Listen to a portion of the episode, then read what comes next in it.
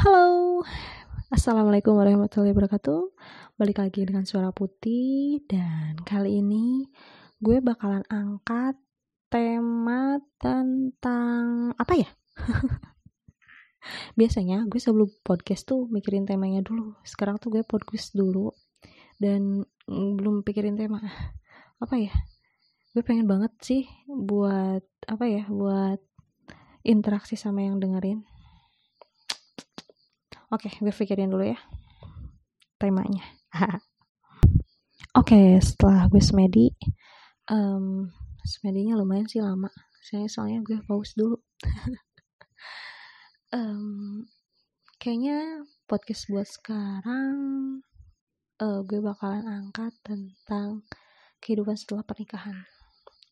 Um, karena ya kehidupan gue sekarang itu buat kalian yang dengerin semoga ini bermanfaat. Dan buat yang belum nikah nih bisa jadi bisa jadi persiapan juga buat kalian mau nikah. Oke di sini gue mau bahas tentang menantu dan mertua. Banyak banget um, bukan pertikaian ya apa ya? Hal perbedaan pendapat antara menantu dan mertua. Misalnya nih gue kan di posisinya um, gue sebagai menantu cewek dong. Di di di apa? Di seorang ibu yang punya satu-satunya anak laki-laki satu-satunya anak laki-laki bukan satu-satunya anak ya. Jadi bukan anak tunggal tapi satu-satunya anak laki-laki. Jadi laki gue tuh bener-bener um, anak yang dimau oke okay lah dimanja ya dan um, mertua gue baik kok. Gue baik saudara-saudara laki gue juga baik kok. Cuman terkadang di mana kalau misalkan um, lo tuh harus gue tuh harus berpikir beribu kali buat ngeluarin pendapat ke mertua gue terlebih saudara gue. Karena gue tuh anak cewek satu-satunya juga tapi bukan salah sa bukan anak yang dimanja juga. Gue tuh terbiasa buat ngambil keputusan sendiri pemikiran sendiri. Oke idealis sendiri deh. Um, terus gue harus dihadapi sama keluarga yang sama. Di sini gue nggak nggak ngambil suatu keburukan tentang gue dan keluarga gue ya um, gue di sini mau ngebahas tentang lo tuh harus gimana jadi menantu dan lo tuh harus gimana menanggapi um, mertua dan keluarga. Pokoknya gue dan laki gue tuh bener-bener keluarganya tuh punya budaya berbeda banget. Sampai gue pas nikah tuh kaget. Loh kok gini, loh kok gini, loh kok gini. laki juga, laki gue juga sama sih. Ya dia mungkin kalau laki ya nggak terlalu seprontal cewek buat ngobrol ya. Kalau gue ngobrol sama laki gue kaget loh. Cuman ya seiring berjalannya waktu gue banyak belajar dan gue tuh harus um, ya jadi gue diri jadi diri gue sendiri.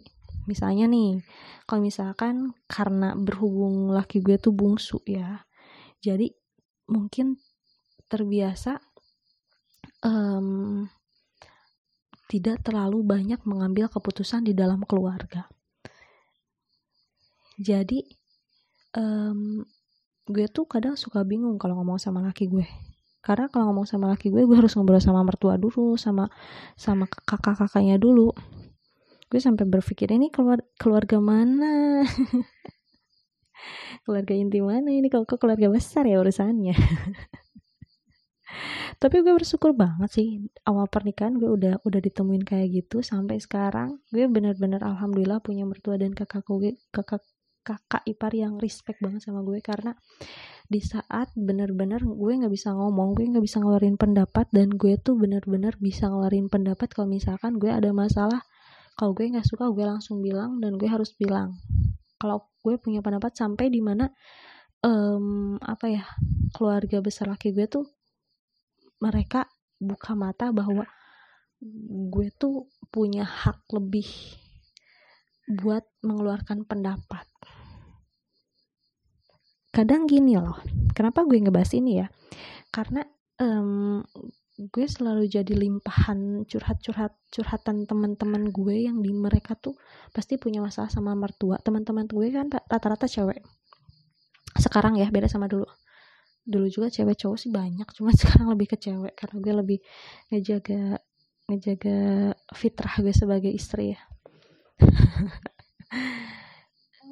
Ya mereka uh, balik lagi ya ke teman-teman gue tuh pasti mereka bilang mertua gigi mertua gue gini loh mertua gue gini loh.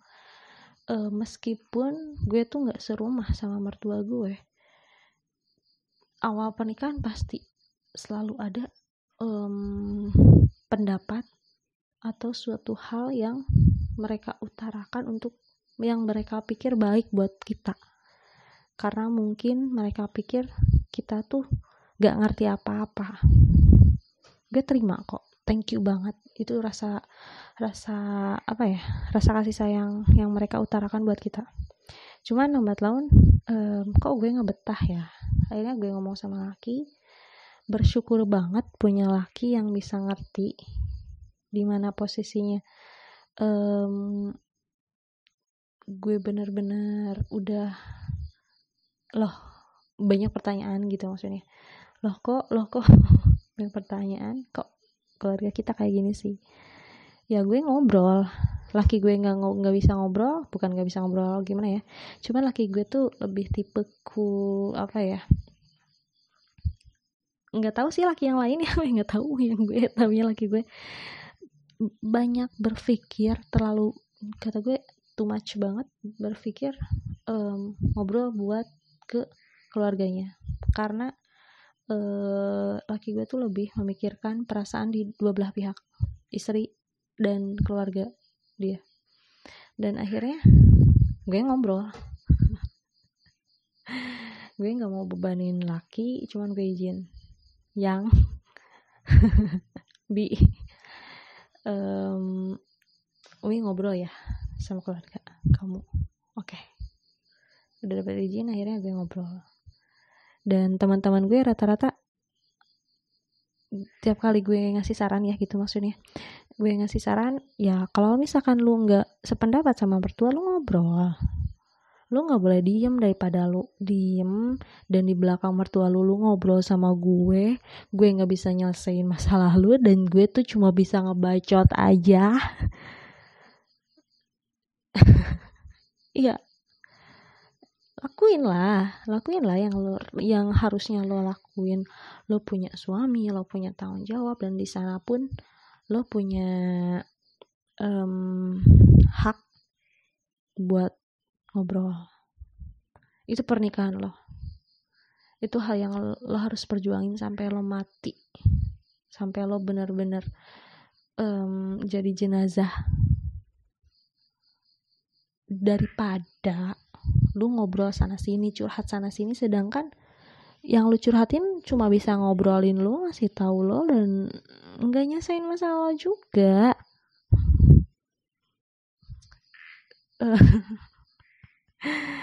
Gue jadi pengen nanya biasanya sama teman gue ya lu sebenarnya nikah niat gak sih dari awal? Lu udah persiapan gak sih buat ketemu keluarganya? Lu tuh nikah bukan nyatuin dua dua insan tapi dua keluarga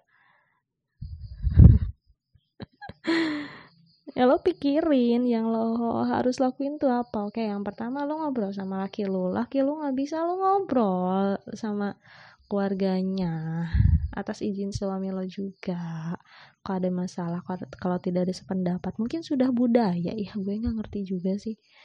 Um, meskipun gue lahir di keluarga yang cenderung lebih memberikan pilihan kepada anak-anaknya dan gue nikah tuh di keluarga yang bertolak, bertolak belakang sekali. Jadi kalau misalkan ada masalah A B C ya harus diobrolin. Oke okay, itu uh, gue ikutin.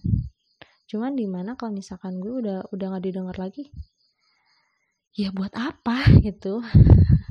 Dan biasanya kalau misalkan gue udah nggak didengar laki gue sih yang jadi tamengnya dia langsung jadi hero gitu. Karena laki gue ngedidik gue ehm, oke okay, selagi lo bisa lo ngobrol. Kalau lo udah nggak bisa gue selesaiin. Pelin pelan ya laki gue ya. Gak ngerti deh pokoknya. Kalau misalkan tadi gue bilang kan kalau misalkan laki gue nggak bisa ya gue ngobrol. Sekarang laki gue bilang kalau gue nggak bisa laki gue yang laki gue yang mau ngobrol entahlah um, kehidupan bingung juga ya. Um, oke. Okay. yang mau gue angkat sih ini aja. Kalau misalkan lu sebagai menantu nih di salah satu pasangan lu lu mau jadi istrinya atau suaminya terserah posisinya sama menurut gue. Eh, ayo ngobrol lah kalau misalkan lo setuju. Eh kalau nggak setuju nggak usah dipendam jadi penyakit tahu jadi penyakit. Lu tuh ya bakalan kepikiran kalau lagi ibadah kalau lagi makan kalau lagi mandi lu stres kepikiran mulu ya ampun kasih gue nge-share ini biar um, gak banyak orang yang kayak teman gue. Dan gue juga sih. Gue dulu juga nggak nggak se nggak se bisa berpikir kayak gini. Oke. Okay? podcast kali ini kita akhiri saja dan thank you banget yang udah setia buat dengerin. Semoga ada faedahnya. Um, semoga podcast yang lainnya gue bisa angkat tema yang baik juga buat kalian yang dengerin. So thank you banget yang udah mau dengerin. Biar gue semangat lagi sih bikin podcastnya So, assalamualaikum warahmatullahi wabarakatuh. Bye bye.